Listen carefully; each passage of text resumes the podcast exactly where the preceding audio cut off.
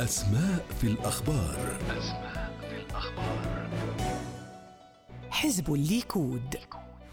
هو الحزب الرئيسي في يمين وسط الطيف السياسي الإسرائيلي والمنافس الرئيسي لحزب العمل. هو تكتل مجموعة من الأحزاب اليمينية في إسرائيل عندما اندمج حزب حيروت والحزب الليبرالي الإسرائيليين والمركز الحر وحركة العمل.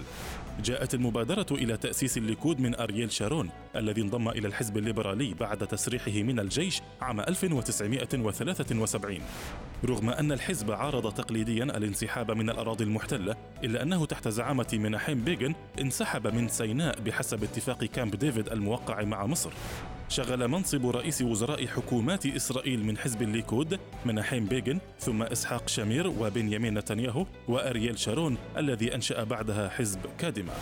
دعا حزب الليكود لإقامة المستوطنات في الأراضي الفلسطينية المحتلة فيما نشأت معضلة بين أعضاء الحزب بعد إخلاء شارون المستوطنات من قطاع غزة.